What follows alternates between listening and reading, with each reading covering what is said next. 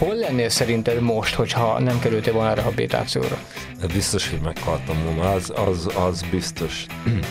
Tehát az már egy ilyen haldoklás volt amúgy is az utolsó időszak, amikor tehát már kibejártam az ártosztályra is, és már ott is megmondtak az orvosok, tehát hogy tök jó úton haladok, ha tényleg az a célom, hogy meghalljak. 12, de pont nem tudsz a történet helyreálló életekről. Ebben a sorozatban a Magyarországi Református Egyház missziói szolgálatával együttműködésben tárunk elétek csodaszerű, mégis megtörtént, valós személyes történeteket. Az első adásban Bajcsi Norbert életét ismerhetitek meg. Egy történet drogról, alkoholról, szerencsejátékról, hajléktalanságról és börtönről, azaz a kilátástalanságról. És egy történet megtérésről, új életről, Istennel való találkozásról, azaz az újrakezdésről. Szia Norbi, örülök, hogy itt vagy. Szia, én is örülök, hogy itt lehetek. Azon gondolkodtam, megjelent egy könyvet Szenvedélye címmel, amelyben hosszan taglalod a családi szálaidat, édesapád, édesanyád, nagyszülők révén is, és kijön, hogy mindenkinek valamilyen szenvedélybetegsége volt. És ahogy olvastam a, a könyvednek az első bevezető részét, én azon gondolkodtam, hogy vajon volt-e más kiút vagy lehetőség számodra, mint hogy előbb vagy utóbb te is szenvedélybeteg legyél, vagy ez, ez tulajdonképpen egy elkerülhetetlen végzet volt, hogy te valahogy valamilyen szenvedélybetegséggel találkozni fogsz? Szerintem nem nagyon lett volna más út, mert mindegy lett volna, hogy tizenpár évesen találkozok a droggal, vagy 20 évesen, mert egy lelki sérült gyerekként nagyon nagyon problémás gyerekként találkoztam a, a droggal, és ez egy ilyen kapaszkodó volt, egy ilyen instant boldogság. Tehát mindegy lett volna, hogy én mikor találkozok vele. Sajnos ö, olyan, olyan volt így a működésem, ebből a sok fájdalommal, a sok ö, elnyomott ö, lelki problémával, amit így gyerekkorom óta hordoztam, hogy amikor találkoztam a, a droggal, az így ö, egy menekülő útvonalat nyújtott. Azt gondoltam, hogy hogy nekem ez kell, ez kell, hogy, hogy, hogy, normál, hogy úgymond normálisan tudjak működni, ahhoz, ahhoz mindig szinte non-stop be kell, hogy, hogy álljak. A másik része meg az, hogy ugye amit örököltem a, a nagyszülők és, és, és szülőktől, ugye ez a, a, a, a szenvedélybetegséget úgymond, tehát hogy én ebben voltam valamilyen szinten gyerekkortól szocializálódva, mert hogy mindig azt láttam, hogy ha valamit ünnepelnek a családba, akkor isznak. Ha probléma van, akkor isznak. És hogy, hogy, hogy ugye ezt, ezt, ezt végig látni, ez, ez berögző nálam is, hogy bármi történik, akkor, akkor, akkor ugye inni kell. Tehát, hogy mindegy, hogy jó vagy rossz történik, akkor inni kell. Csak viszont velem megutáltatták a szüleim magába a, a, az alkoholt, mert hogy azt, azt is észrevettem, hogy ez miatt szenvedek egész gyerekkorom, hogy a szüleim alkoholisták, és dacból is, amikor én már ugye a droggal találkoztam, akkor, akkor én azt mondtam, hogy jó, de én legalább nem iszok, nem vagyok olyan, mint a szüleim, és hogy, hogy, hogy még mélyebbre kerültem, és akkor ráadásul, amikor mondjuk megtudták a szüleim, akkor, akkor ugye jött a fejre hogy, hogy, izé, hogy, hogy miért drogozom, meg hogy lehet, és akkor viszont azt mondtam, hogy hát most pont ők oktatnak ki, akik, akik viszont isznak. Tehát, hogy igen, ez, ezt én úgy gondolom én is, hogy ha nem is a gényeimbe hordoztam, de, de hogy mivel ebbe szocializálódtam, így, így ezt az örökséget megkaptam tőlük, és, és nagyon bízok benne, hogy akár ilyen generációs átkokat tudtam megtörni abba, hogy, hogy hitre jutottam, és józan vagyok. A szüleid egy bántalmazó kapcsolatban éltek, és édesanyád is egy bántalmazó kapcsolatban menekült el tulajdonképpen édesapád mellől. Mi az, ami a drogban te kerestél, és nem kaptál meg otthon szeretetet, törődésre? Mi az, amit a drog ilyenkor kárpótolni tud? Kérdezem ezt úgy, nem titkoltan, hogy én például soha nem próbáltam ki drogot, tehát nem tudom, hogy milyen érzés. Hát számomra ugye egy szorongó gyerek voltam. Egyrészt a, a szorongásomat tudtam vele úgymond csillapítani ideig, óráig, ráadásul ilyen nagyon alul értékeltem magam, és hogy ilyen, ilyen lazább lettem tőle, így tényleg így a legfontosabb rész az, hogy így, így el, el, mintha eltűntek volna addig a problémáim, az a sok, ami, ami ugye nyilván bennem volt, és hogy egy ilyen, egy ilyen felszabadult érzést adott, főleg az elején, a, amikor azt éreztem, hogy tehát nincsenek végre problémáim. Körülbelül azt éreztem, hogy úgy tudok működni droghatás alatt, mint ahogy elvárnám magamtól. Ezt ha egyébként a mostani életeddel összehasonlítod, akkor látsz párhuzamot? Tehát el tudod azt érni, hogy most úgy tudsz viselkedni, mint anno fiatalként, gyerekként droggal? Hát nem azt mondom, hogy teljesen el tudtam érni, hanem az, hogy, hogy, hogy nagyon jó úton vagyok. Ez, ez annak köszönhető, hogy a mai napig is dolgozok magamon, de hogy, hogy vannak olyan élethelyzetek, hogy néha én is meglepődök magamon, hogy, hogy mit tudom én, tehát, hogy akkora egyrészt önbizalmam is már van, vagy, vagy kellőképpen így józanul tudok laza lenni, hogy hogy mondjuk a munkám miatt nagyon sok, sokszor találkozok idegenekkel, számomra idegen emberekkel, és hogy, hogy fel tudom venni azt a ritmust, tudok kellőképpen akár vicces, laza lenni, vagy éppen komoly, tudok velük kommunikálni, ez ami, ami gyerekként mondjuk elképzelhetetlen lett volna, tehát hogy tudom, gyerekként, ha leküldtek a boltba is, akkor is nem mertem mondjuk ránézni az eladókra, nem mertem velük szóba állni és hogy ez az egész életemben így kísért, amikor, amikor, főleg amikor józan voltam, akkor, akkor annyira alul értéket. Minden embert magam fölé helyeztem, és így, így sokszor még az emberek szemébe se tudtam nézni, mert hogy annyira egy kicsinek éreztem magam. Az első ilyen nehézség, ha jól értem, hogy nem szerettél otthon lenni, hiszen láttál egy bántalmazó kapcsolatot, nem volt jó otthon lenni, ezért hozzáverődtél egy lakótelepi bandához, ugye Székesfehérvár nagyjából, és itt kezdődnek el a, a nehéz időszakok? Így van, így van. Így van, mert hogy tehát nyilván a mai fejemmel erre visszanézek erre a történetre, tehát valahova akartam tartozni. Ugye nem, nem éreztem a, otthon mm, egy családon belül is, hogy én oda tartozok, az iskolába sem, mert nem tudtam barátságokat kötni, és tehát egy, egy tipikus ilyen olyan srácként, aki lent lóg a lakótelepen, nyilván olyanokhoz tudtam csatlakozni, akik szintén lógtak a lakótelepen, és egy ilyen hovatartozás véget, tehát hát mm, őket találtam meg, vagy ők találtak meg engem, és így, így kerültem oda, és, és onnan indult el, igen, így nyilván velük volt az első drogfogyasztás, aztán ez így szépen elindított így a bűn útján is. Milyen emberek voltak ők egyébként, így utólag visszagondolva? Mert én azt gondolom, hogy attól, amikor valaki drogozik, egyáltalán nem jelenti azt, hogy önmagában egy rossz ember, pont a te példádon lehet látni, hogy vannak olyan életutak sorsok, ahol ez egész egyszerűen nem feltétlen választás kérdés, hanem belecsúszik az ember. Hát az elején nyilván én is azt láttam bennük, és, és szerintem tényleg nem voltak ők olyan kimondottan, mit, rossz fiúk voltunk, de, de hogy bennünk azért volt, hogy mondjam, még ez a régi, ez a zsiványbecsület, azért voltak bennünk ugyanúgy érzések, de viszont azt is hozzáteszem, hogy mindegyik srác hasonló családból jött, mint én, tehát mindenkinek el voltak válva a szülei, és ez, ez már akkor is ugye ilyen érdekes párhuzam volt úgymond köztünk, tehát hogy én akkor is ez erről így sokat filóztam, hogy tényleg mindegyik barátomnak mondjuk el vannak válva a szülei mindenhol, hogy mindannyian ott hagytuk valamiért az iskolát, mindannyian egy ilyen menekülésbe volt. Ez egyébként egy kicsit ilyen pszichológia, és hogy ezek a fajta fiatalok megtalálják, mint mágnes, vonzák egészen egyszerűen egymást? Szerintem igen, persze. Tehát, hogy, hogy ugyanaz, ha most meg visszavetítem a mostani életemre, most, most például azok az emberek vannak nagyon közel hozzám, akik hasonló felfogásban vannak, mint én. Tehát, hogy, hogy, hogy akiknek fontos a kereszténység, akiknek fontos a hit, nyilván a, a józanság is, tehát, hogy, hogy, hogy most, most meg azokat vonzom, vagy én, én vonzódok hozzájuk, de hogy, hogy régen ez e, tényleg így, így volt ebbe a fiú bandába, tehát nem mondom azt, hogy tehát nem, nem születtek ők se rossz embernek, viszont azt azért hozzáteszem, hogy az évek alatt amíg, amíg együtt drogoztunk, vagy aztán utána külön, viszont rosszá váltak ők is. Tehát, hogy ez benne volt. Ez a társaság mit gondolt azokról az emberekről, akiké te lettél. Tehát amilyen ember vagy te most, egy keresztény hívő ember, mi volt a, mi lenéztétek őket, vagy ilyen, hát de, de furák, hogy ezek hisznek Istenbe, vagy hogy milyen, hogyan láttátok őket? Le nem néztük őket, tehát hogy én, én ezért soha nem néztem mondjuk le senkit, aki, aki ilyen erősen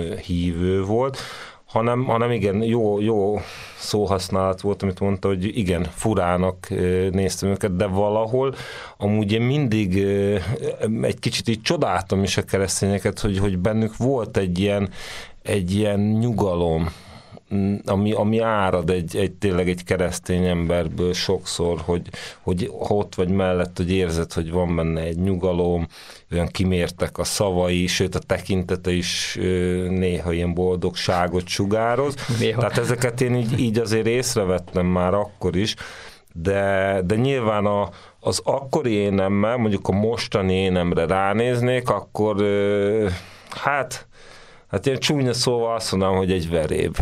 Mert hogy így akkor ezeket használtuk az olyan, olyan, olyan emberekre, akik, akik nem mi voltunk, de nyilván a mostani eszemben meg a régire mondanám azt, hogy, hogy, hogy, hogy igen, akkor egy veréb voltam. A drog az egy eléggé drága műfaj, önmagába véve sok pénz kell ahhoz, hogy szinten tartsd magadat, vagy hogyha még mélyebbre akarsz kerülni, akkor még több. Droghoz még több pénz kell. És itt volt az a hát nem mondom, hogy választás, hanem szinte magától értetődő dolog nektek, hogyha pénzt kell, akkor azt valamilyen módon meg kell szerezni. Először még csak egyszerű módokon élelmiszerboltokból egy-egy élelmiszert ellopni, eladni dolgokat, majd utána jön egy ékszer, mm, boltból való lopás, nem rablás, hanem lopás, ami után a rendőrség kezére kerül. Így van, tehát hogy az elején, amikor jöttek ezek az első ilyen stiklik, ez a tényleg ezek az ilyen bolti, piti lopás, az egyrészt nem is, nem is néztem arra sose úgy, hogy mondjuk ez bűn lenne, hanem, hanem tényleg egy ilyen jó hec volt. Aztán, aztán tényleg ugye egyre több pénz kellett, mivel hogy egyre, egyre nagyobb volt a tolerancia szint a, a droggal szemben, egyre, egyre több kellett, az egyre több pénz, pénz kellett előteremteni, és akkor, akkor egyre mm, súlyosabb bűncselekményeket csináltunk de hogy amikor már ebben benne van az ember, akkor nem méri fel helyesen a,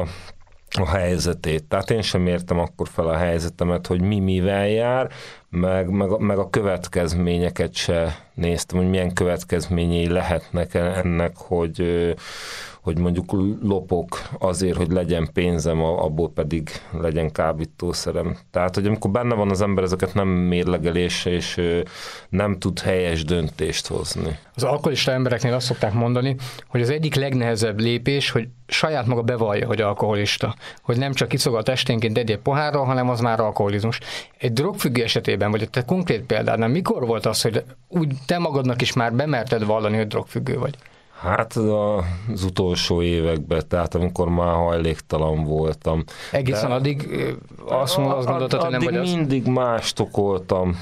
A körülményeket, embereket, tehát mindig volt, volt, volt más okom, az, hogy nincs jövőképem, ez egy ilyen menekülés, de hogy, hogy azt gondoltam, hogy, hogy nem, nem, nem, nem ez irányít engem, mégis irányítom, és sőt, még, még amikor hajléktalan voltam, akkor, akkor meg úgy fogtam, hogy ez az egy, amivel kibírom mondjuk még az utcán is, tehát, hogy, lehet, lehet, hogy nem is akkor döbbentem rá, hanem amikor a terápián voltam, és ott, ott kiózanodtam, és akkor nyilván így, így, így tanultam a függőségre, és meg józanul visszatekerni mondjuk 20 évet, akkor azért rádöbbentem én is, hogy persze, hogy nem én irányítottam ezt az egészet, hanem, hanem a, a szenvedélybetegség irányított ha nem tévedek, összesen kétszer voltál börtönben, két eltérő időszakban. Az ember azt gondolná, hogy a börtön egy olyan hely, ahol az emberek reális esélye van megváltoznia, és máshogy kijönnie, de a te történeted alapján az emberek az volt az érzése, hogy bocsánat, hogy ilyen, ilyen őszintén mondom, hogy ugyanaz folytatódik a börtönben kis tudással, mint ami kint van a világon, csak egy zárt helyen. Persze, tehát, hogy én nem, nem hiszek abba, főleg régen, amikor én voltam börtönben, akkor ott nem, nem lehetett megváltozni. Tehát, hogy azért, ha megnézzük a statisztikákat is, akár a, a visszaesőket, tehát, hogy azért elég magas, a 60 fölötti százalékról tudok én. Lehet, tehát 10-ből 6 ember újra visszakerül a börtönbe. Így van. Egyrészt azért, mert hogy amikor bekerül, aztán rá bent rájön arra, hogy mit tehát hogy ott azért nem akasszák föl, meg ilyenek, és másrészt viszont az, hogy ott, ott kicsiszolódnak, úgymond a, a, ott válnak szerintem bűnözővé igazából az emberek. aki, aki így elsőre bekerül.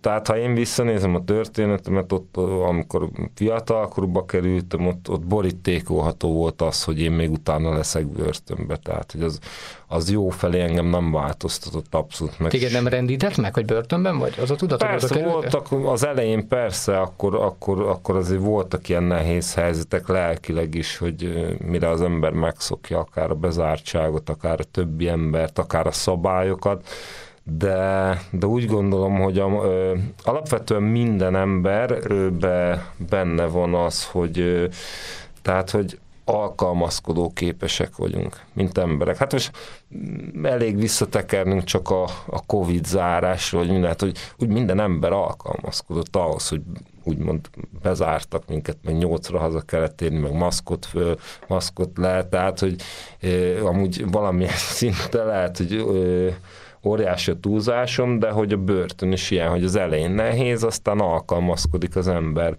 ehhez is ben. Nyilván azt is hozzáteszem, mert tényleg őszinte vagyok, hogy vannak olyan emberek, akik, akiket ez, ez tényleg a, a börtön megtör kőkeményen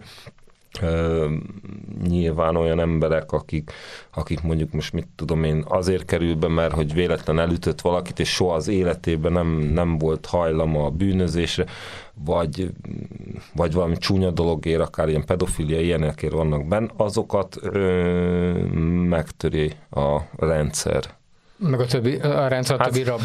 Igen, igen, igen, igen, igen. Vagy akár a börtönőrök is, de, de hogy de azért egy csak pici hogy... javulást most már látok, mert tudom, hogy vannak ilyen prevenciós körletek, rengeteg egyházból járnak be, tehát, hogy én, én látok benne javulást, amiben én hiszek, hogy, hogy igazán lehetne változtatni a, bent a rabokon, az, az a foglalkozások, akár ilyen, ilyen, ilyen terápiás jellegű foglalkozások.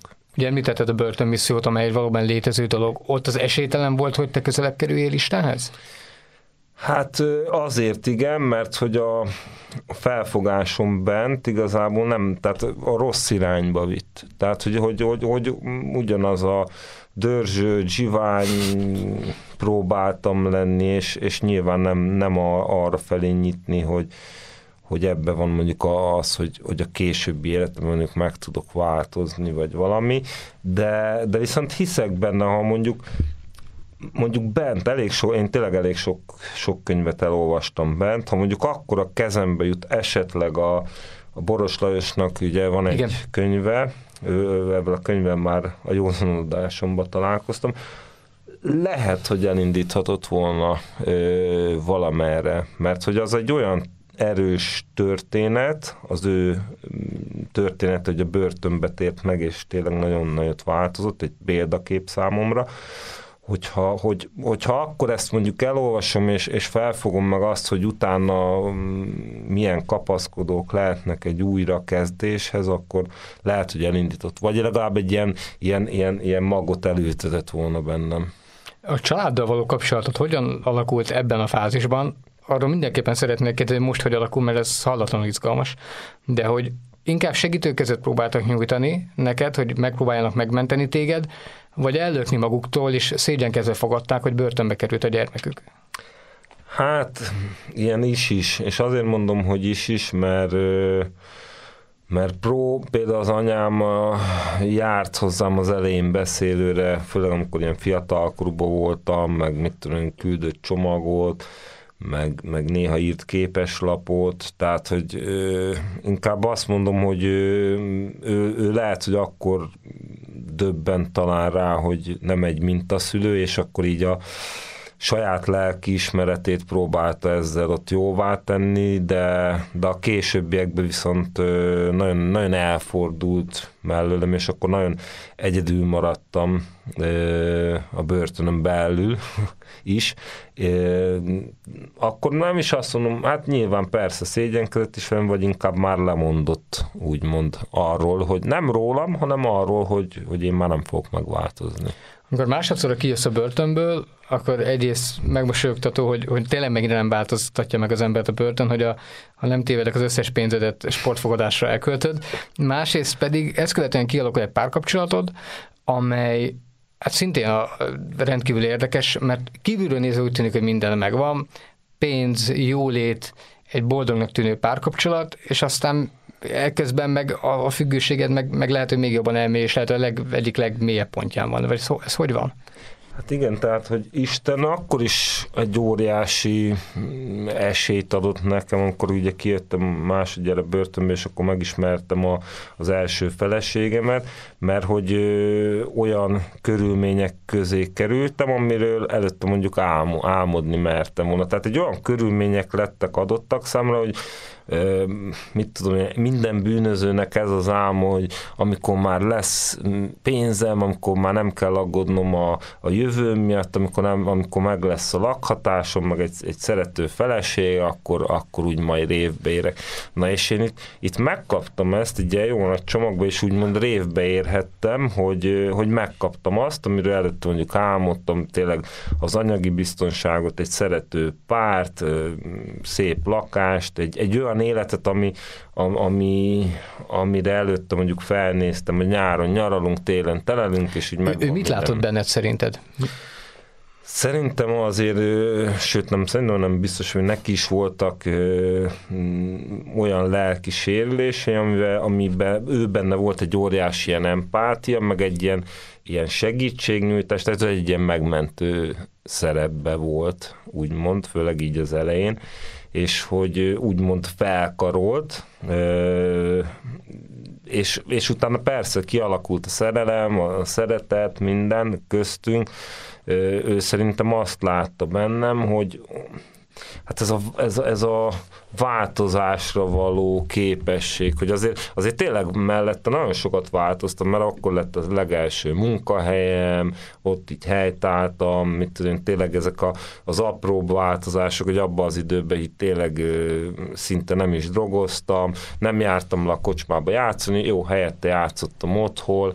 Ö, Itt tehát, voltak hosszabb időszakjaid, amikor tünetmentes voltál, vagy tiszta voltál? Hát úgy, hogy a drogtól igen, de viszont ö, rengeteget ittam, meg, meg szerencsejátékoztam. Tehát ugyanúgy a, a függőség ott volt velem. Igazából ö, itt az volt a lényeg, hogy, hogy megadatottak a, a körülmények ahhoz, hogy, hogy, hogy rendbe, legy, rendbe lehessek. De viszont én nem álltam erre készen, és azért nem álltam készen, és azért jól mutatja, meg ezt, ezt akartam egy a könyvvel is kihangsúlyozni, hogy, hogy az, avval egy függőt nem lehet megmenteni, hogyha ha mondjuk elhalmozzuk minden jóval.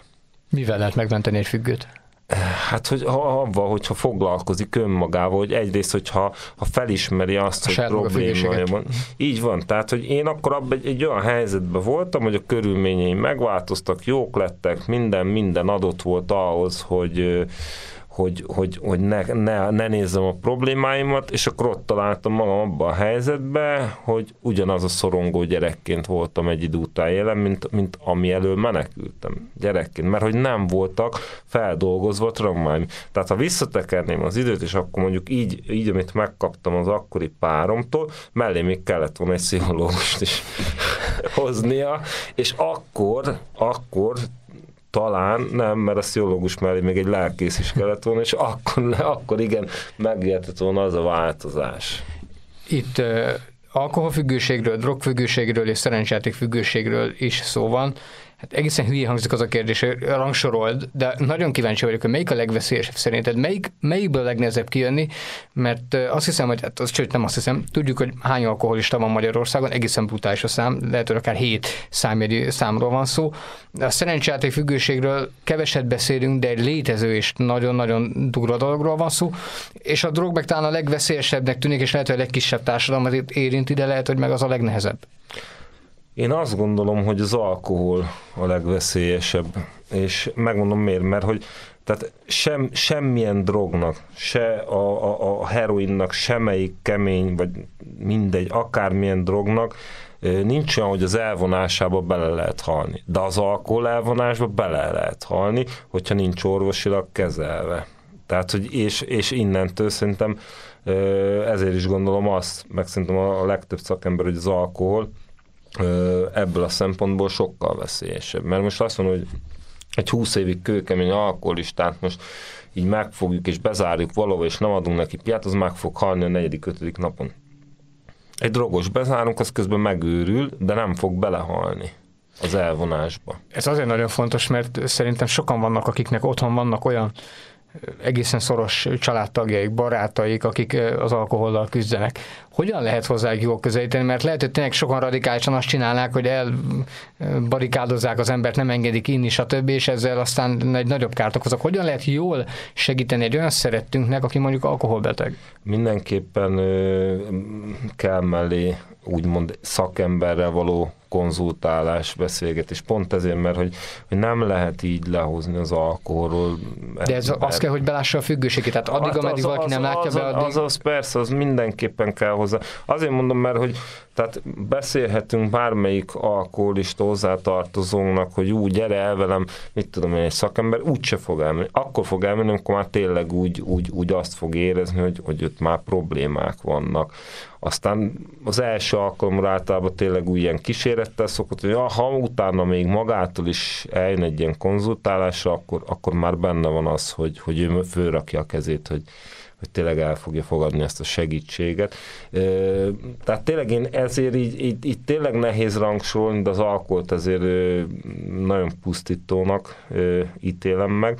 Viszont itt szoktam egy olyat így, így azért mindig hozzátenni, és a szerencsejátékkal kapcsolatban, hogy sajnos társadalmilag annyira elfogadott, hogy nem vesszük észre azt, hogy ha, ha, ha valakinek problémája van vele, vagy nagyon későn. Tehát, hogy én amikor ilyen iskolai prevenciókra szoktam menni, akkor ezt mindig egy ilyen kis történetbe el szoktam mesélni, hogy a szomszédunkat, ha látjuk minden nap, akár a munkából hazafelé azt látni, hogy minden nap beül a kocsmába, és utána még hazafelé csörög a, a szatyorba az üvegek, nagyon hamar azt mondjuk, hogy hát ja, kezd vannak problémák piával.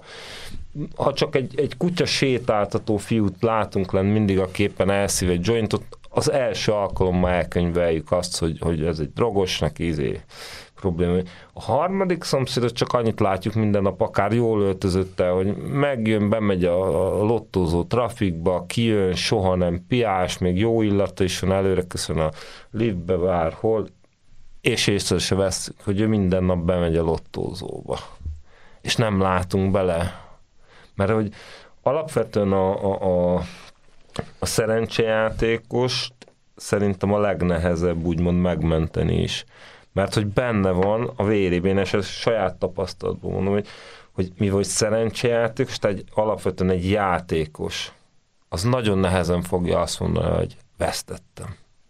És amit mondasz egyébként, hogy mennyire ilyen inkognitóban van ez a dolog, azt hiszem, hogy az online szerencsejáték bejövetelével pedig Persze. szinte láthatatlan az a réteg, aki hétről hétre vagy napról napra ebben szemben. Persze, meg hát, hogy uh, iszonyú nagy a magas aránya az, hogy akik az ilyen szenvedélybetegek közül mondjuk öngyilkosok lesznek, ott nagyon magas a, a szerencsejátékosoké. Mert hogy egy szerencsejátékos a végére ugyanúgy, mint bármelyik, mint az alkoholista vagy a drogos, elveszíti a, a, a hozzátartozóit. Csak a szerencsejátékos az így a végletekig el tudja húzni ezt az egészet, mert mindig ott marad vele a barátja, a szerencsejáték, akivel, akivel úgymond sose lesz magányos, mert hogy mindig nagyon sok időt lehet vele együtt tölteni, így a, a főleg ezek az online mm, játékokba, vagy akár tényleg a, a kaszinókba is, hogy, hogy ezt nagyon-nagyon sokáig, a végletekig el lehet húzni, és a végén, amikor már tényleg minden elfogyott, akkor annyira elveszti az összes körülötte lévő embernek a bizalmát, és nem azért, mert játszik, hanem azért, mert mindegyiknek már tartozik, mindegyiket becsapta, manipulálta, és a végén, végén nem nagyon látnak más utat. Visszatérve az életutadra, ugye már említetted, hogy az első feleséged, ebből sok minden kiderül, az is, hogy feleség, meg hogy első az is. Viszont számomra ez úgy tűnik, mintha egy ilyen belekényszerített házasság lett volna valahol, abban a szempontból, hogy ott azért a, a feleség családja, mint ennek kimondottan örült volna, nem feltétlen a férnek, nem megbántott téged, hanem annak a ténynek, hogy a, a párodból megnyasszony, mert feleség lett. Hát igen, igen, ez is benne volt, hogy a, a, a volt páromnak az apukája az, az úgy Hát ott is úgy így elvált szülőkről beszélünk, ő avval kompenzálta a lányát, az anyagi dolgok, meg hogyha bármit kért, és akkor gyakorlatilag ott például az, az esküvős dolog is, ez így belett egyszer dobva, egy ilyen pont karácsonykor a, a párom bedobta az apukájának, hogy ő szeretne jövőre esküvőt, és akkor apuka megmondta, jó, apu mindent intéz. De, de meg se lettél kérdező, hogy te szeretnél -e? Hát így nyilván beszéltünk róla, hogy majd, majd, majd, és akkor így valahogy én úgy voltam vele, hogy hát ez, ez azért nem olyan egyszerű, meg erre nem biztos, hogy azonnal igent mondanak, és akkor de azonnal igent mondott az após, úgyhogy Úgyhogy de lánykérés nem is volt? De, de persze, de utána volt egy ilyen eljegyzés is, meg minden, de hogy alapvetően én akkor abszolút nem, nem, nem hiszem, hogy, hogy készen álltam arra, hogy, hogy fér legyek. Tehát, hogy most látom, és most megint előreugrok, mert hogy ahhoz, hogy, hogy fér legyek, nekem még most is nagyon sok mindenen kell dolgoznom önmagamon. És persze jártam jegyes oktatásra régen is, és ez a durva, hogy az első feleségemnél is jártam jegyes oktatásra. Ilyen püspöki engedélyem én akkoriban nem voltam megkeresztelkedve, csak a párom. És most is jártam jegyes oktatásra, és most, fú, most azt egy élménynek éreztem, hogy ú, tanulok a hitről, a párkapcsolatról, minden és jelenleg is járunk párkapcsolati tanácsadásra, nem azért, mert hogy, hogy, hogy akkor a gond lenne nálunk, hanem azért, mert hogy rá kellett jönnöm, hogy, hogy én józanul most vagyok életem először egy párkapcsolatban, és hogy kimaradtak azok a tinédzserkori akár problémák is, meg nagy szerelmek, mármint úgy, hogy, hogy felfogjam józan észre, hogy, hogy, hogy milyen, milyen az, hogy egy másik embernek sebezhető legyek, milyen az, amikor mondjuk vitába vagyok a, a párommal, tehát, hogy, hogy ezeket igazából nekem meg kellett tanulnom, és azért mondom, hogy most is tanulom, mivel, hogy szülői mintára nem egy, nem egy jó házasságot láttam. Mennyire nehéz neked most így 2023-ban ezekről beszélni, visszagondolni? Mennyire egy ilyen újra és újra a sebnyitogatás, megírni például könyvet, csak hogy összekössem a leg, számomra a legrázósabb kérdése, hogy az első esküvőd napján nem csak be voltál te nem csak alkoholos állapotban voltál, hanem éjfélkor elkezdtél drogozni is, mert megígérted, hogy aznap nem fogsz, akkor éjféltől drogoztál. De mennyire nehéz ezekkel szembenézni? Én ezeket már feldolgoztam, úgy érzem. Tehát, hogy egyrészt, a, amíg 15 hónapot terápiám voltam, ott, ott, ott nagyon sokat dolgoztam önmagamon, a múlton, mindenen, és akkor utána is. Hát mai napig is dolgozok magamon, de most már tehát nem így dolgozok magamon, hogy, hogy hú, ez még fáj, és akkor ez, ez, ezen kéne még dolgozni. Nem, tehát szerintem ezeket én fel tudtam már dolgozni, a, a múltbéli ö, sérelmeket, azokat, amiket én kaptam, azt is, amit én okoztam.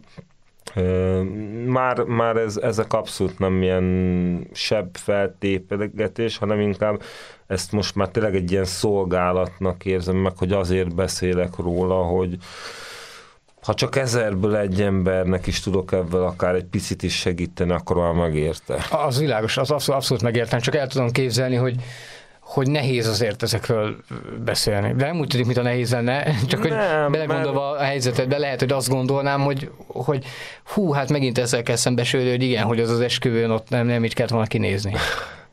Én azért, én ezt így, így elkönyveltem magam, hogy ezeken, ezen az úton nekem végig kellett menni. Nyilván az én rossz döntéseim által volt ilyen kacskaringós ez az út, de, de amekkora kegyelem lett belőle, nem azt mondom, hogy hú, akkor ezt így megérte így, így a rossz úton lenni, hanem, hanem tényleg azt érzem, hogy, hogy amikor megtértem, ott, ott tényleg az óember az, az, az ott vége lett, és, és, és vele haltak úgymond ezek a, a fájdalmak, a sebek, meg minden. Nyilván tudom, hogy én voltam jelen ezekben a helyzetekben, de, de hogy annyira erős az, az a hála Isten felé, ez a kegyelem, amit kaptam, hogy, hogy ezekre is úgy nézek, hogy, hogy igen, hibás vagyok, elismerem a, a, a dolgaimban, meg amin átmentem, de, de ez már tényleg a múlt, és ez, ez már nincs befolyással a jelenemre. Ez az első házasság egy évig tartott, és utána a csúszda legaljára kerülsz, mert ugye eladsz egy lakást, abba, abba, annak is elfogy a pénze a tartozások miatt, jön két hét szálloda, majd utána pedig az utca. És az utcáról viszont jön a fény, hiszen elkezdődik a, a rehabilitációt. Egy, azért kezdődik a rehabilitációt, mert rájöttél, hogy egész egyszerűen te ott akarod hagyni a, a, a szenvedélybetegségedet, és egy új életet akarsz kezdeni, vagy sokkal inkább azért, mert annyira rossz volt utcán élni, hogy valamit kellett ezzel kezdeni? Hát inkább ez, igen, a második, tehát az, hogy már tényleg egy olyan őrületben voltam, egy olyan helyzetben a függőségeim miatt, hogy az már így, tehát az, az, az már nagyon-nagyon egy szenvedés volt, és hogy azt, azt még nem látom, hogy, hogy milyen lehet egy józan élet, meg az, hogy egyetlen képes vagyok rá, hanem inkább belekényszerítem egy olyan helyzetbe, hogy tényleg felrakom a kezemet, és akkor legyen bármi, csak már ez ne, ami most van.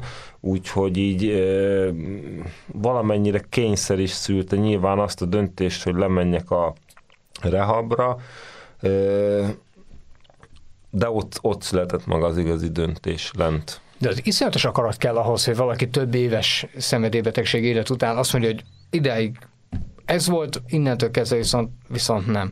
Hát igazából azt, Tehát hogy mi, meggyűlöltem mi azt, azt, ami volt. Tehát az, azt, ami, ami beéltem, az, az Egyik már... napra a másikra? Nem, nem, hát ott, ott már, már az utolsó két-három évben hajléktalanságban már, már akkor annyira gyűlölt minden egyes nap, hogy hogy sokszor már azt vártam, hogy egyszer ne kelljen fölkelni egy lépcsőházban, hanem vége legyen ennek a szenvedésnek, de hogy egyszerűen nem akart ez szűnni, és hogy úgy gondolom, hogy, hogy elég sokat szenvedtem, addigra, hogy, hogy azt mondjam, hogy jó, bármit, csak megteszek bármit, csak ennek már legyen vége.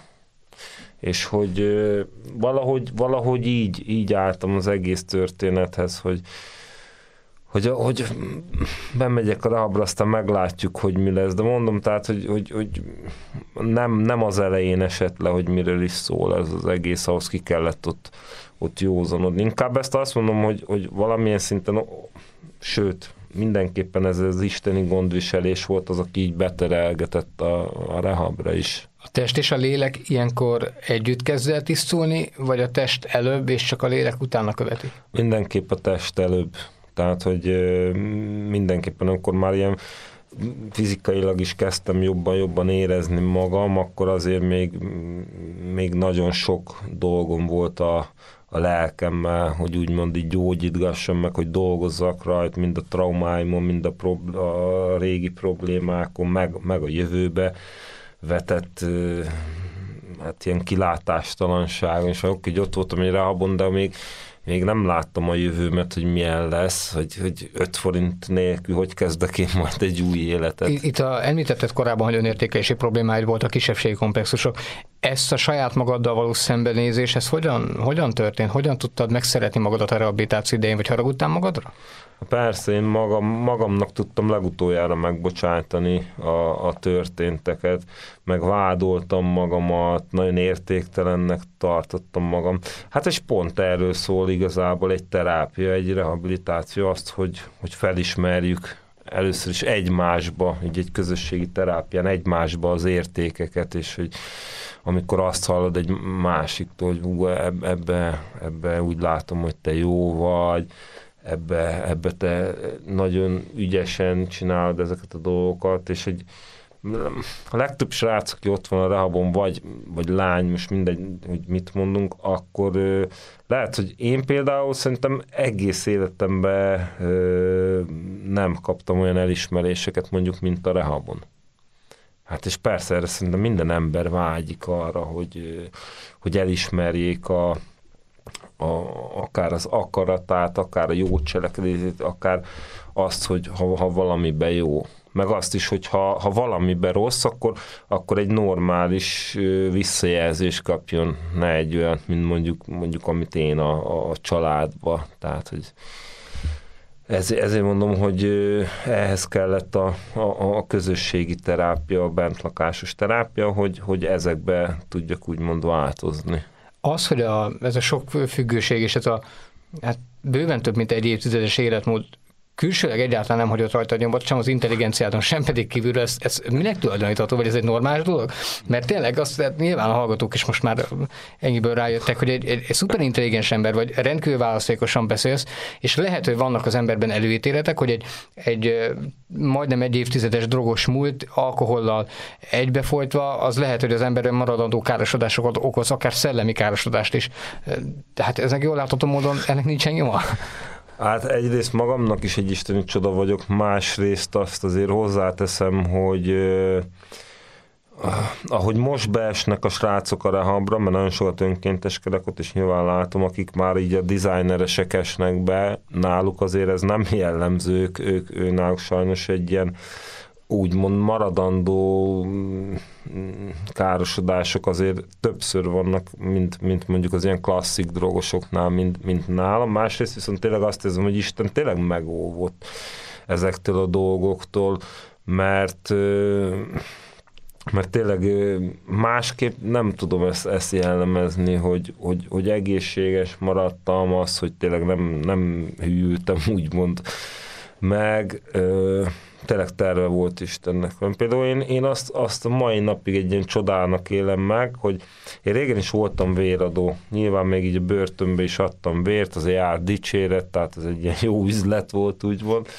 és hogy így józan életemben így, így kiharcoltam, és ezt tényleg szó szerint kiharcoltam, hogy újra véradható legyek egy ilyen múlttal, mert hogy hát én annyira őszinteséget tanultam meg a rehabon, hogy amikor egyszer ott a faluban, Ráckeresztúron volt egy ilyen önkéntes véradása, és már kijárhattam, így, így besétáltam oda az iskolába, volt egy ilyen tornaterembe a véradás, bementem, szépen kitöltöttem a, a kérdésekre a válaszokat, és aztán így, így azonnal hátra hivattak, mert hát ott én beírtam mindent, hogy ugye ott vannak a kérdések, hogy droghasználás volt, tűvel szúrtam magát hasonlók, és én így, így full őszintén beírtam, és, és annyira kedves volt az ápa, hogy mondtam neki, hogy hát én ezt tanultam rá, hogy őszinte legyek, annyira kedves volt, hogy külön levették a véremet, de tényleg így elkülönítették a többi embertől, és elküldték egy külön vizsgálatra, Székesfehérvári kórház, és mondta, hogy majd kapni fogok egy SMS-t, hogyha tényleg minden oké, okay, és akkor úgy visszaraknak a rendszerbe, de utána már többet ne írkáljam be ezeket a dolgokat, és így raktak vissza. Ugye a megtérésed az egy konkrét pillanathoz kötődik, vagy egy hosszabb folyamat, annyit ugye elárultunk, hogy a könyvedben írod, hogy tulajdonképpen te mindig is Isten félő ember voltál, vagy mindig is hittél Istenben, de nyilván máshogy, mint most. Hát egy konkrét pillanat volt az, az, amikor megtértem, de nyilván ennek volt, volt egy folyamata, amit akkor addig nem érzékeltem, azt érzékeltem, hogy változok, meg már máshogy látom a dolgokat a rából, meg így így egyre erősebb a hitem, és vágytam is a megtérésre, de amikor megtértem, az egy, egy bibliaórám volt, tehát az egy ilyen kiragadott pillanat volt, és tehát az így mindent felülírt, felülírt a, az első drogos élményt, felülírt mindent, tehát érzelmileg mindenhogyan az így, így, így akkor azt éreztem tényleg, hogy mint amikor kinyíl, kinyílik az embernek egy világ, hogy, hogy megérteni, hogy, hogy miről is szól ez az egész, miért vagyok én itt a Földön, hogy működik ez az egész rendszer, úgymond, tehát, hogy ez egy csodálatos érzés volt. Ezt csak én körül tudom írni, nyilván ezt nem lehet olyan szépen kifejezni, mint amikor az ember ezt megérti. Azt el szoktál játszani a gondolata, hogy miért pont veled történik meg mindez, ami megtörténik? Hisz annyi minden ember, ki tudja, hogy hol vannak azok a sorstársaid, akikkel a lakótelepen elkezdted ezt az egészet, és ki tudja, hogy hol vannak azok, akikkel együtt voltál börtönben. Valószínűleg nem mindenki a, a Isten kezében van. Hogy, hogy miért pont veled történik ez? Hát, sokszor elgondolkoztam régebben ezen. Még, még még ilyen, ilyen hülyeségekre is gondoltam, hogy ilyen kiválasztott vagyok, hogy Isten hogy tényleg kiválasztott magát, amúgy meg kiválasztott, mert mindannyiunkat kiválasztott Isten, hanem, hanem, hanem azt éreztem egyrészt, hogy, hogy hogy van célja Istennek velem. Aztán persze elgondolkoztam, hogy hát másokkal is lenne célja.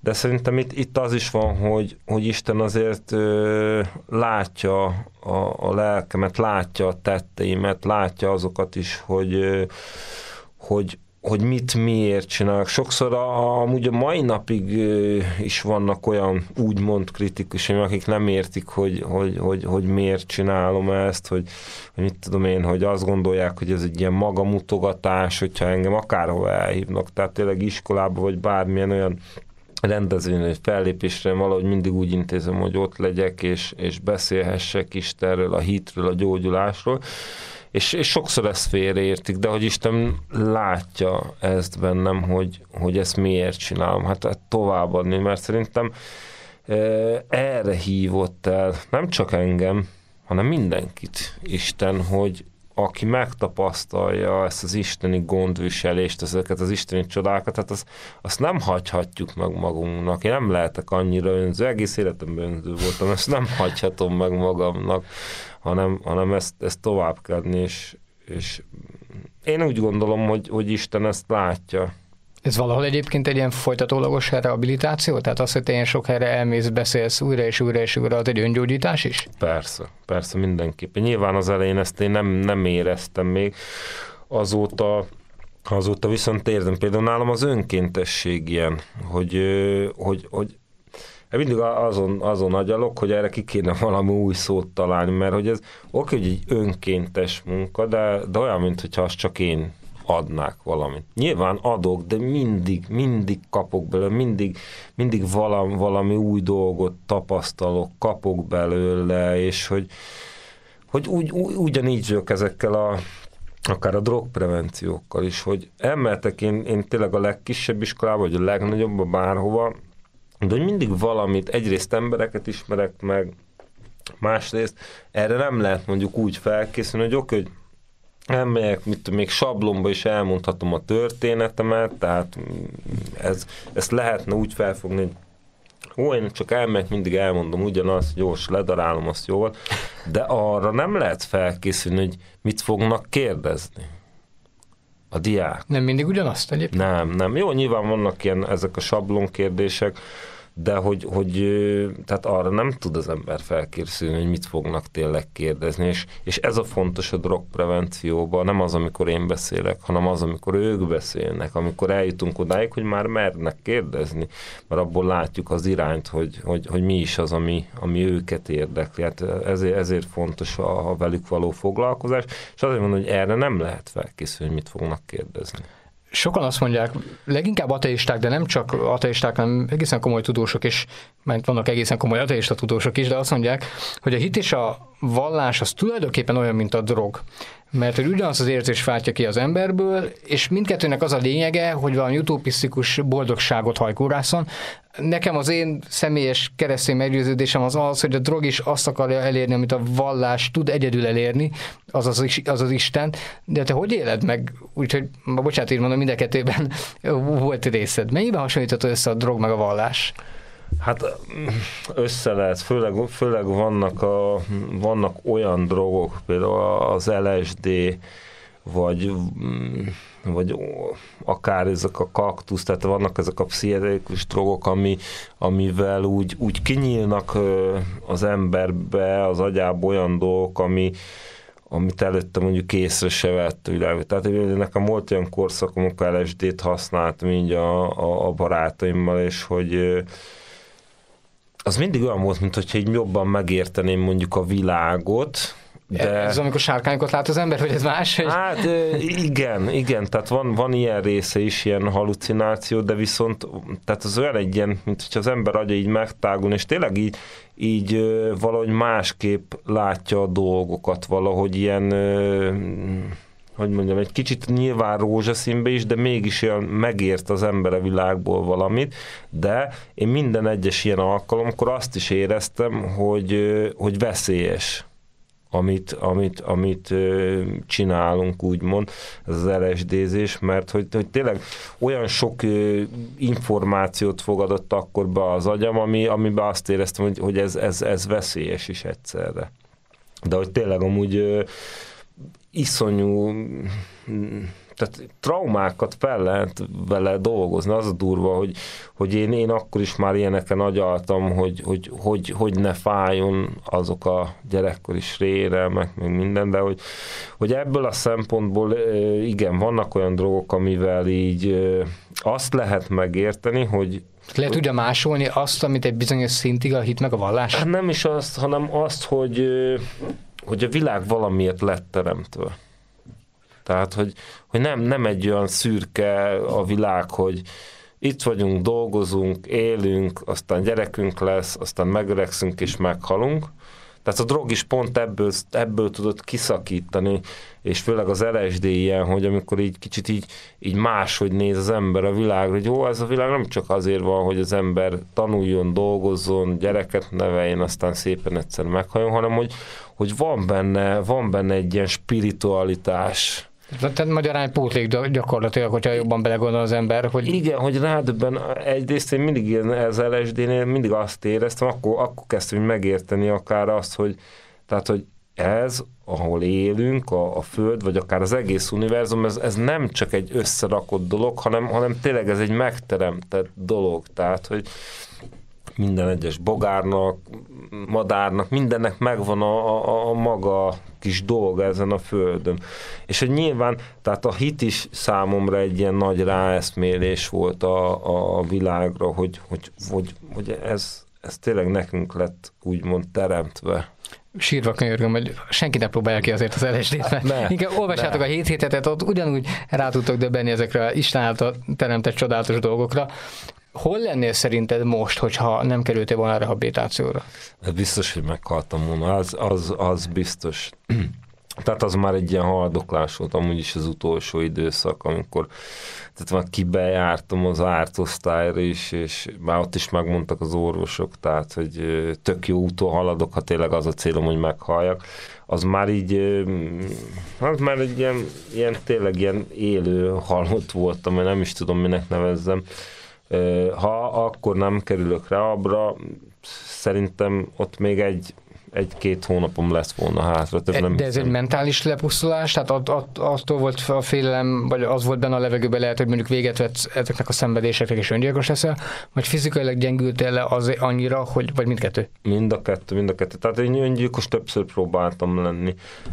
Tehát itt a kezemben is jó, nyilván már Istennek nagyon szépen begyógyult, de hogy többször próbáltam öngyilkos lenni, de ott már annyira gyenge voltam az utolsó időszakban, hát 50 valahány kiló voltam, pú, mentálisan is nagyon-nagyon zavart, és hogy annyira gyenge volt a szervezetem. Hát amikor az utoljára voltam az ártosztályon, akkor minden gyógyszert inekcióval kaptam azért, mert hogy először tablettába kaptam, csak nem bontotta le a szervezetem.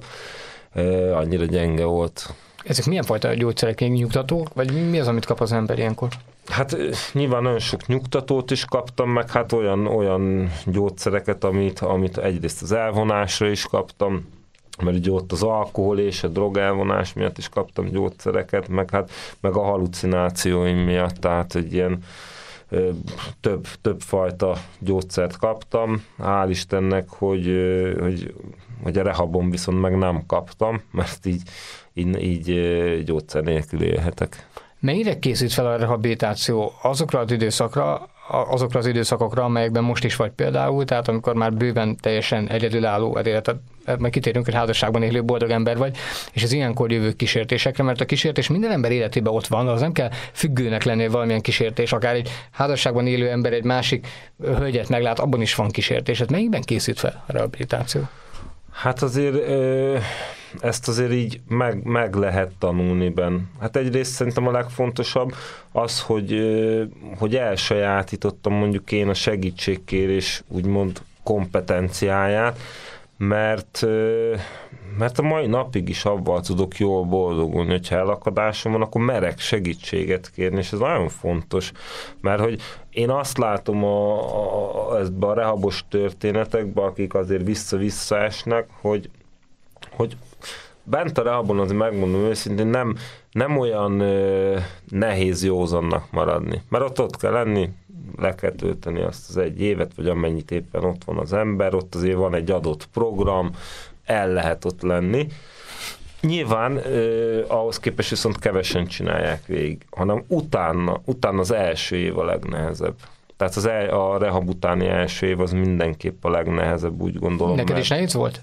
Persze. De viszont a, szerintem talán a legáldásosabb is, mert hogy Nehéz, persze, mert, mert akkor még mindig ott van az emberben a félelem, a jövőtől való fél, félelem, valamennyire még a, a múlt is kísérti az embert, mm, meg kell tanulni, úgymond józanul mindent. Tehát ez egy kicsit olyan, mint, a, mint hogyha ha valaki mit tudom én, 30 akár ennyi évesen tanulna meg járni. De, de tényleg, tehát, hogy, hogy józanul, életemben akkor dolgoztam józanul. Először józanul, akkor, akkor kezdtem el én, mit tudom, ilyen tudatosan bevásárolni, vagy főzni magamnak, tehát hogy, hogy minden olyan dolog, mint hogyha az elmúlt hosszú-hosszú évek az így kiesett volna, és akkor józanul ott vagyok, hogy itt tudom én, az, hogy motiváljon az, hogy bejárjak dolgozni, az, hogy becsületes legyek, tehát, hogy azért így mindent így azért így, így meg kellett az, hogy az emberekkel való kapcsolódás, hogy hú, hogy lesznek majd nekem barátaim, meg ilyenek, hogy, hogy lemondani arról, hogy na jó, akkor én már nem járok el így szórakozni, mit tudom én, a diszkóba, vagy bárhova, megtalálni azt, hogy, hogy józanul mi az a kikapcsolódás, ami, ami érdekel, mi az, ami, ami le tud kötni, tehát, hogy azért nehéz, nehéz így, de viszont mindig ott volt az, hogy tudom, hogy ha, ha, ha, ha, veszély van, ha baj van, hogy hova tudok fordulni. Mi lett a sorsuk hát nyilván nem tudunk minden szeméről beszélni egyenként, de azoknak a lakótelepi srácoknak, akikkel te együtt kezdtél, mit tudsz róluk? Hát többen meghaltak már belőle, van, aki ilyen hosszabb börtönbüntetést ül. Hát olyan jó példát nem tudok mondani. És nem azt mondom, hogy csak magam, de nem. Tehát, hogy nem, nem, nem, lett, nem lettek mondjuk sikeresek az életbe könyvben is említem, hogy, hogy azért mi, amikor már így, így erősen benne voltunk a függőségben, akkor mindig így viccelődtünk magunk között, majd egyszer, egyszer lesz rólunk egy könyv, hogy a született vesztesek, de hogy amennyire vicces, annyira trag, tragikus is ez szerintem, mert hogy ez, ez valamilyen szinten itt, itt kódolva volt bennünk. A szüleid olvasták a könyvet? Eljutott hozzájuk? Nem tudom, megmondom, az édesanyám azt tudja, hogy, hogy van könyvem, az, hogy elolvasta, azt nem tudom. És szerinted, hogyha elolvasná, vagy elolvassa, akkor mi lesz az érzése? Hát ö, szembesülni fog a, a saját alkoholizmusával, és ez, ez nem, nem mindegy, hogy mikor fogja elolvasni. Tehát ö, ha, ha egy olyan pillanatában olvassa el a könyvet, amikor amikor már már benne lenne az, hogy tényleg változtatnia kell, akkor jót tehet vele ez a könyv. Ha, egy, ha akkor fogja elolvasni, amikor, amikor még mindig a körülményeket és másokat vádol az életér, akkor, akkor, akkor nem biztos, hogy jót fog azonnal kiváltani belőle. De, de hiszek benne, hogy ha, ha egyszer kijózanodik, akkor viszont értékelni fogja a könyvet és, és nem ártani akarok vele, hogy, hogy, hogy hú, most neki ez még jobban fájjon, hogy, hogy mit tudom én, hogy, hogy, hogy ő milyen volt, hanem, hanem remélem, hogy ebből a könyvből, ha elolvassa, ő azt fogja kivenni, hogy ő is hozott egy mintát, és, és nyilván azt adta tovább, tehát, hogy ez volt előtte, ezt tudta továbbadni, az, hogy én, én már nem ezt fogom továbbadni, az, az nem is saját magamnak köszönhető, hanem Istennek és terápiának. Az életed mostani szakaszának a jelentős része abból áll, hogy másoknak próbál segíteni, eljárni, előadásokat tartani, stb. stb. Maga a munkád is egyébként az építőiparban dolgozó, ha jól tudom, tulajdonképpen az is egy segítés másoknak. Mennyire fájdalmas azzal szembenézni, hogy a leg közelebb álló embereknek, mondjuk például az édesanyádnak, sokkal nehezebb segíteni, mint egy ismeretlen arcoknak bemenni egy osztályterembe, és azt mondani, hogy ne piáljatok. Hát, hogy mondjam, ö, inkább ezt úgy nézem, hogy, hogy, hogy ilyen erős a függőség. Tehát az, hogy, hogy ez nem válogatja meg a függőség. Tehát, hogy a, a, a világ legjobb szakembere is, ö, ha a saját családjában nem tudna megmenteni senkit, ha az nem akarja. És hogy ebből a szempontból én ugyanígy nézek mondjuk a, a, az édesanyámra is, hogy én tehetnék bármit, én nem tudom őt megmenteni, csak akkor, hogyha akarja. Mert hogy ilyen a függőség. Ennyire erős, ennyire erős a függőség, hogy, hogy ak- akkor, akkor lehet kihozni valakit a függőségből, ha ő is akarja. Ez, de ez kemény lelkre, vagy kemény lehet neked, aki, aki megtisztult, aki túl van ezeken a fázison, és nyilván segíteni akar annak az embernek, akinek az életét köszönheti.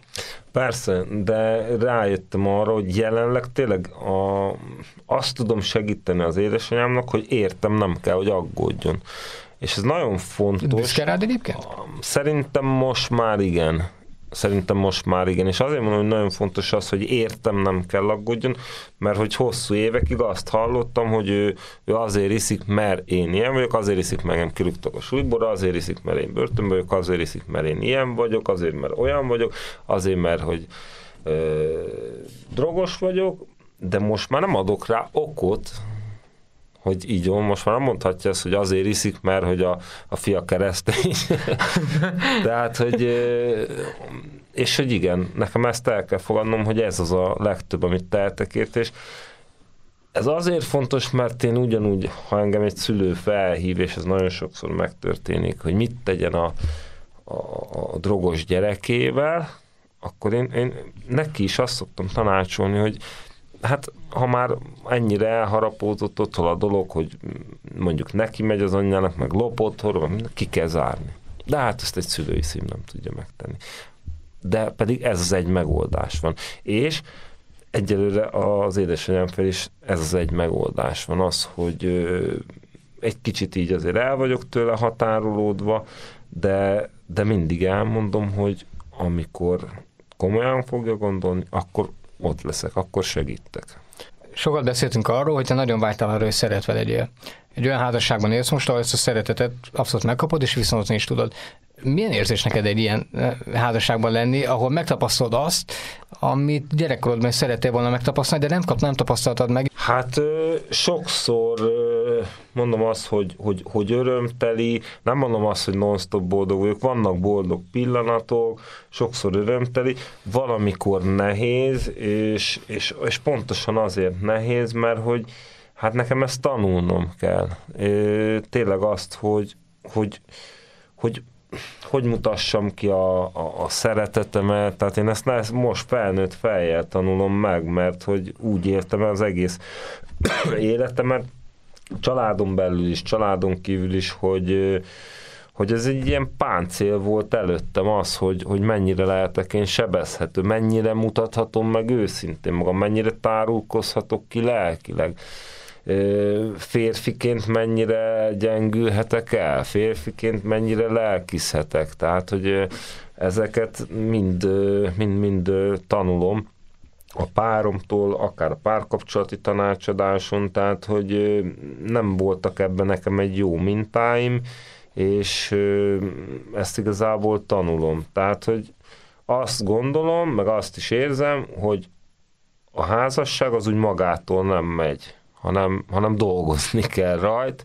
Sokszor nehéz, sokszor könnyű rajt dolgozni, de, de viszont azért szerintem ezen mindig dolgozni kell valamilyen szinten, mert hogy nem hagyhatom azt, hogy, hogy csak úgy jó, már évbe értem, van feleségem, és akkor, akkor ő, ő, ő örüljön annak, hogy én ott vagyok neki, vagy fordítva, hanem, hanem az, hogy tényleg ö, szerintem egy párkapcsolatot ugyanúgy, mint egy barátságot mindig ápolni kell. Csak a teljesen a történet, ugye egy keresztény gyülekezetben ismerted meg a feleségedet, és így született meg a második házasságod a hit az a saját önértékelésedben mennyiben segített? Ugye te is felfedezheted azt, hogy Isten mennyire szeret téged, ehhez képest meg akkor kutya kötelességednek tűnhetett, hogy saját magadat is mm, elkezdeni szeretni, mert hogyha Isten szeret téged, akkor nyilván magadat is kell szeretni. Mennyiben segített ez a gondolat ebben? Hát ez indította el bennem azt, hogy amikor felfogtam egyrészt azt, hogy Isten megbocsátott nekem, akkor tudtam magamnak is megbocsátani. És ahogy egyre jobban megismertem a hitet, Isten nagy szeretetét, akkor, akkor egyre értékesebbnek éreztem magam. Sőt, valamikor túl is értékeltem szerintem magam, mert hogy, hogy én eh, például az, az elveszett bárány példájával élve... Te vagy az abba, az egy? Igen, abba, és hogy amúgy ebben mutatja meg Isten a, azt a óriási szeretetét, hogy annak az egynek jobban tudott törülni, mint a másik 99-nek, aki nem veszette, akik, akik, akik jók voltak, úgymond, és hogy mégis azt az egyet a kezébe cipelt, és amikor visszaér a pásztora, akkor is annak az egynek örül. Nem, tehát ezt néha nyilván lehet, hogy rosszul így túlértékeltem magamba, de, de tudom azt tényleg, hogy, hogy Isten azt szoktam mondani amúgy, hogy amiket én régen tettem, hogy Isten nem szerette a, a tetteimet régen, de engem szeretett a tetteimmel együtt. Isten végig ott volt a hátad mögött, amikor megfordultál és vele szembe kerültél. Milyen Istent ismertél meg? Hát egy, egy, egy, egy, egy kegyelmes Istent, egy, egy szerető Istent, egy, egy olyat, aki, mint a jó pásztor, hogy elmegy azért az egyér is a világ végére. Mert hogy tényleg azt éreztem, hogy mindig terelgetett Isten, és, és igen, találkozhattam volna vele hamarabb is így, ilyen szinten a hittel, de hogy, hogy mindig másfelé fordultam, mind amerre, amerre terelt, és amikor már nem volt hova forduljak, akkor beterelt egy olyan helyre, ahol, ahol végre egyszer józanul meghallgathattam az igéjét, és hogy, hogy, hogy igen, ilyen a mi Istenünk, hogy, hogy addig-addig terelgetett, amikor én már mindig, mindig másfelé mentem, amíg, amíg tényleg ö, szembe nem találtam vele magam. A beszélgetésünk apropója ez a Szenvedélye című könyv volt, amely ugye nemrég jelent meg, és tulajdonképpen az ország legnagyobb könyvesboltjaiban is lehet kapni, legalábbis én ott vásároltam meg milyen érzés volt kiírni az életedet? Mert azt hiszem más lehet, mint elmondani. Hát az, egy, az is egy valamilyen szintű terápia volt nyilván, mert hogy sokat kellett dolgozni, és, és, és voltak olyan dolgok, amik, amik akkor jöttek belőlem, úgymond elő, már ilyen, ilyen tényleg ilyen nem elnyomott, inkább elfeledett emlékek. De egy óriási önismereti utazás volt a könyv,